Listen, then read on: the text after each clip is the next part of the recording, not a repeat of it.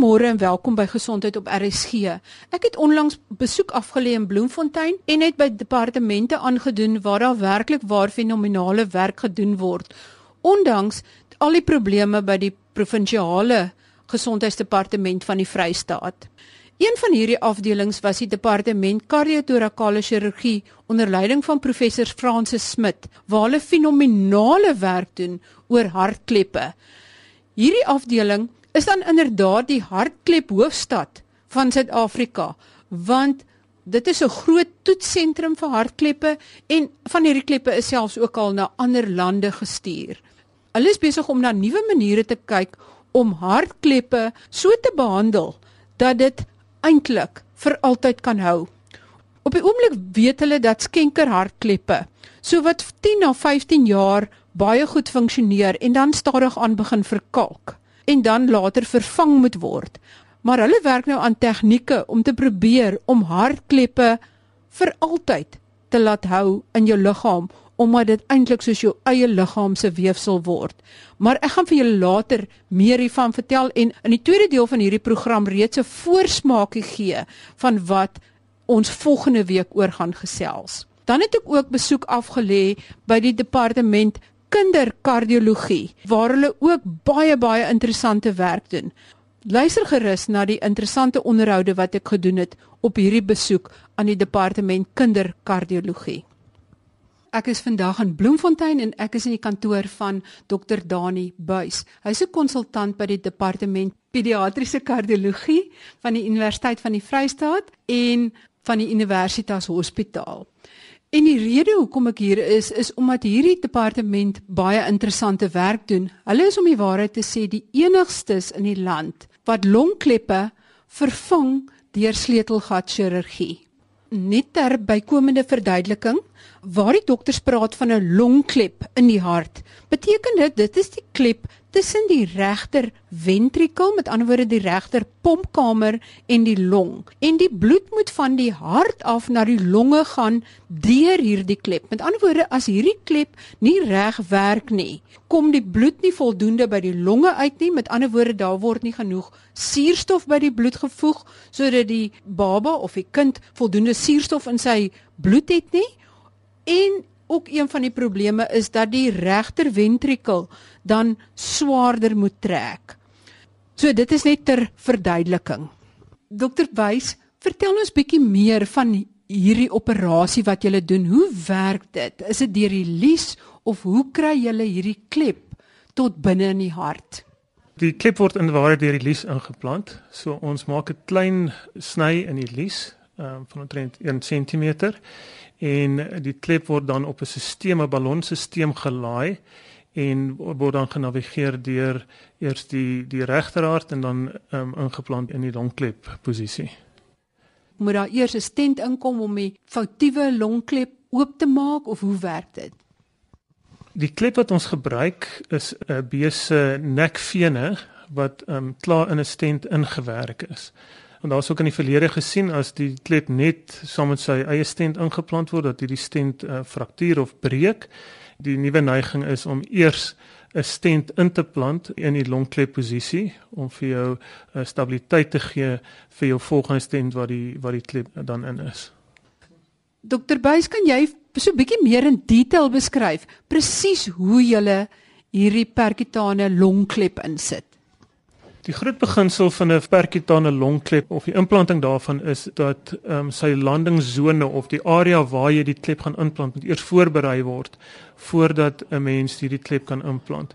Die prosedure behels dan eers jy gaan deur die lies in, jy sit 'n kateter deur die regter ontvangkom of die regter atrium en dan die regter ventrikel in die longe om hierdie landingszone of die uitvloeibaan van die regter pompkamer voor te berei word hy eers gedilateer, dan word doodseker gemaak dat daar geen obstruksie is van jou kroonare nie en dit word met 'n ballon gedoen.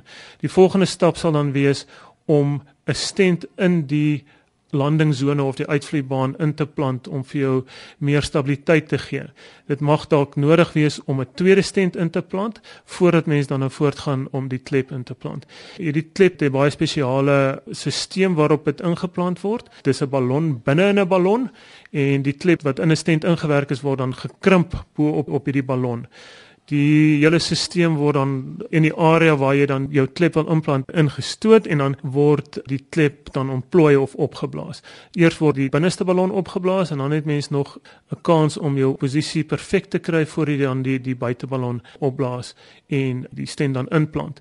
Dit mag ook dalk nodig wees dat indien daar nog nog steeds 'n vernouing is in die klepgedeelte dat die klep later weer met nog 'n baie hoë drukballon moet gedilateer word sodat mens dan nou geen drukverskil tussen jou regter ventrikel en jou pulmonale arterie of jou regter pompkamer in jou longvat het nie. Dokter Buys, wie het sulke operasies nodig? Ons het um, verskeie verskillende letsels wat kinders mee gebore word. Die bekendste letsels is die tetralogie van Fallows. Hierdie kinders het dan obstruksie van hulle regter uitvloei of hulle regter pompkamer uitvloei op pad na die longe toe. Ons weet ook dat hierdie kinders veelvuldige prosedures uh, of oop hart prosedures in hulle lewenstyd benodig en die beginsel van hierdie klep is, is om dan die regter pompkamer funksie te bewaar en ook om die chirurgie of die hoeveelheid oop hart chirurgie wat hulle moet kry te te verminder. Wat presies gebeur as hierdie klep nie reg werk nie? Vergroot die regter ventrikel of word hy beskadig of kan hy dan nie meer sy funksie vervul nie? Kan jy meer verduidelik wat gebeur as die klep nie reg werk nie? Uh, daar kan twee dinge met die klep gebeur of foutief gaan. Die een is as die klep lek So dit beteken dan dat van die bloed dan weer terugval van die longe af terug in die regter ventrikel of die regter pompkamer en dan sal hy vergroot en jou regter pompkamer sal of opblaas soos 'n soos 'n groot ballon um, en hy sal sy funksie oor tyd verloor. Die ander rede vir die klep om om nie te funksioneer nie is as die klep vernou of stenoties word en dit plaas 'n druklading op jou regter ventrikel. Dit sal veroorsaak dat jou regter ventrikel se spier dikker word en dan so op, in daai mate sy funksie verloor. En die funksie wat die regter ventrikel verloor, kan dit herwin word as hy nou reeds beskadig is of moet mens dan met daai skade saamleef? Ons weet dat hierdie kinders se regter ventrikels nooit normaal ontwikkel nie. So ons wil oor hulle leeftyd die funksie so goed as moontlik wil ons hulle funksie bewaar. Ons weet dat as hierdie regter ventrikels as hulle hulle funksie begin verloor, dat al vervang jy die klep dat hulle nooit hulle funksie weer uh, volkome herwin nie. So die beginsel is is om dan die kleppe perkutaan of die release in te plant op 'n vroeër stadium as wat ons in die verlede sou uh, chirurgiese kleppe ingeplant het. Wat is die kriteria wat jy gebruik om te besluit watter kind hierdie prosedure kan ondergaan? As ons kyk na die indikasies vir die longkleppe wat ons implant is dat ehm um, die kinders natuurlik groot genoeg wees want jou toegang in die lies moet groot genoeg wees. So ehm um, die indikasies vir die spesifieke klep wat ons gebruik is uh, die kind met 20 kg of swaarder wees dan kyk ons spesifiek na regter ventrikel funksie. So as ons begin sien dat die funksie agteruit gaan, daar's verskillende modaliteite wat ons gebruik om te kyk na die funksie, maar as die funksie begin agteruit gaan, dan moet ons 'n besluit neem of moet ons 'n klep vervang of of nie. As jy hierdie klep inplaas, hoe lank hou so 'n klep? Hoe lank bly hy funksioneel voordat hy dalk weer vervang moet word? Ons weet dat die chirurgiese kleppe wat aangeplant word wat presies dieselfde klep is wat wat ons implant, ons is net in 'n stent ingewerk. Omtrent 75% van hulle faal oor 'n tydperk van 15 jaar. Die percutane klep wat ons implant, die groot reeks het eintlik in 2005 begin. So ons het eintlik maar 10 jaar se data en daar is pasiënte wat nog net een klep oor 10 jaar ontvang het. So dis moeilik om te sê hoe lank hierdie kleppe op die ou end gaan hou, maar dit lyk of dit baie um, dieselfde is as as die chirurgiese kleppe wat ingeplant word. Op watter manier spaar julle hierdie pasiënt verdere operasies? Kan jy byvoorbeeld 'n voorbeeld gee? Sê maar as dit nie perkutaan gedoen kon word nie, hoe gereeld en watter tipe operasies hy moes ondergaan om te lewe en met so klep hoe dit die operasies kan verminder. Ons weet dat kinders wat nou spesifiek met 'n tetralogie van verlou gebore word ten minste 4 prosedures oop hartchirurgie in hulle lewenstyd um, gaan ontvang. Ons het ook in die verlede het ons gewag vir so lank as moontlik voordat ons 'n klep vervang het want ons enigste opsie was 'n chirurgiese klep. Mens kan nou dink as mens elke keer op hartomleiding masjien moet gaan en die borskas oopgemaak het dat elke verdere operasie tegnies baie moeiliker gaan wees. Omdat ons die klep nou deur die lies kan implant, kan ons op 'n vroeër stadium kan ons eh, 'n uh, klepvervanging doen so voordat die regterventrikel sy sy funksie verloor. En dit kan beteken dat 'n pasiënt minder oop hartchirurgie in hulle lewenstyd moet kry en dit sal ook beteken dat um, ons regterventrikulêre funksie vir langer kan bewaar. Hoeveel van hierdie kleppe het julle al oorgeplant en hoe vorder hierdie pasiënte?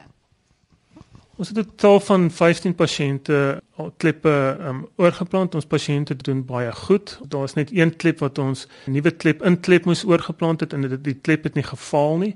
Ehm um, die rede daarvoor was is dat die stent ehm um, gefraktuur het. So al ons pasiënte word opgevolg en hulle almal doen doen baie goed.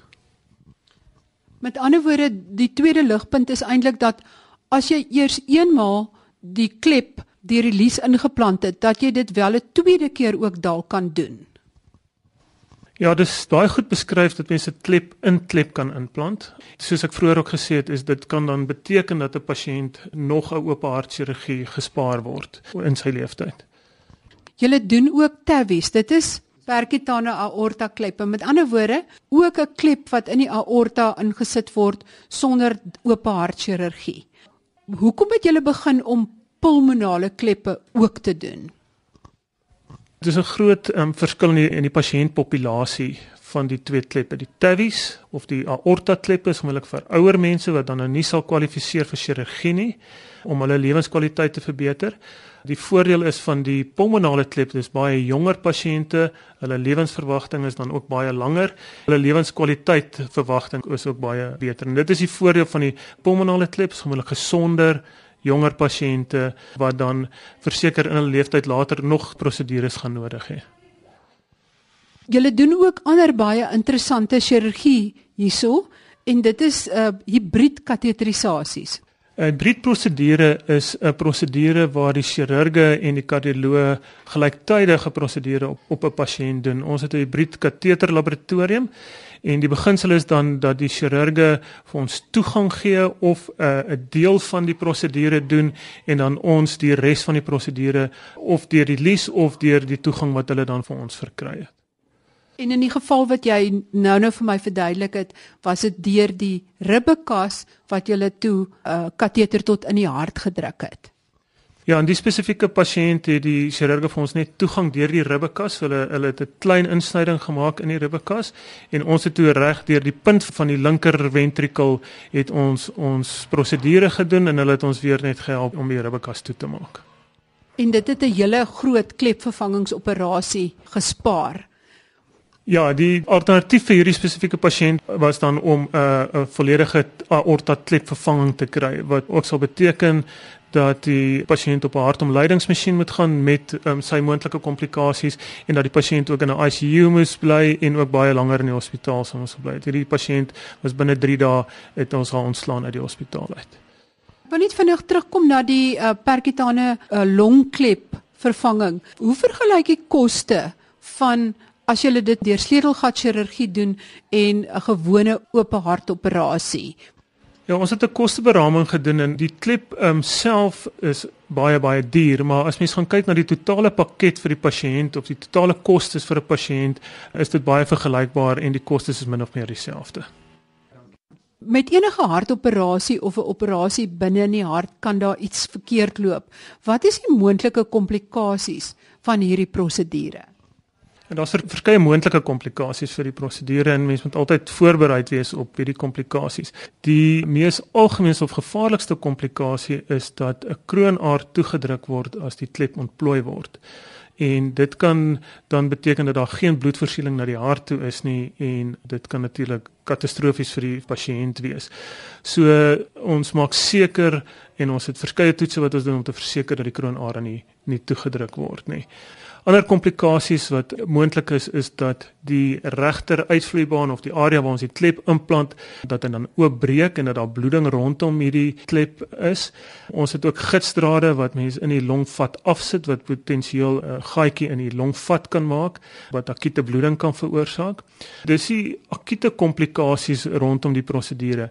Uh, ander komplikasies wat algemeen is en wat omskryf is is dat pasiënte infeksie in die klep kry wat ingeplant is en dit sal dan beteken dat hierdie klep moet verwyder word, chirurgies verwyder moet word. Om daai rede is dit 'n uh, totale steriele prosedure die hele prosedure. Ek hoop nie julle het al veel van hierdie komplikasies getref nie. Nee, ons het gelukkig nog nie van hierdie komplikasies getref nie. Soos ek sê, mense moet altyd voorbereid wees om alle komplikasies te kan hanteer. Baie dankie dokter Buys en sterkte vir al die interessante werk wat julle doen. Nou vir 'n vinnige voorsmaakie van wat jy volgende week kan verwag oor 'n baie interessante program oor die werk op hartkleppe en hartklepnavorsing en hartnavorsing wat by die departement kardiotorakale chirurgie gedoen word. Ek is in die kantoor van professor Francis Smit. Hy is hoof van die departement kardiotorakale chirurgie by die Universiteit van die Vrystaat en by die Universitas Hospitaal. En die rede hoekom ek by hom besoek aflê is omdat sy departement is een van die departemente wat uitstekende werk doen in verband met hartkleppe. Professor Smit is ook direkteur van die Robert W.M. Vryter Instituut vir kardiovaskulêre navorsing by die Mediese Skool van die Universiteit van die Vrystaat. Ek het pas op 'n toer deur hierdie baie interessante laboratoriums gegaan by die Navorsing Instituut en dit is werklik waar futuristiese navorsing wat hier gedoen word. Dit lyk byna soos wetenskap fiksie, iets wat mense net in die toekoms van gedroom het. Maar ons gaan julle nou-nou meer daarvan vertel. Professor Smit, presies wat doen julle met betrekking tot hartkleppe en waarom is dit belangrik?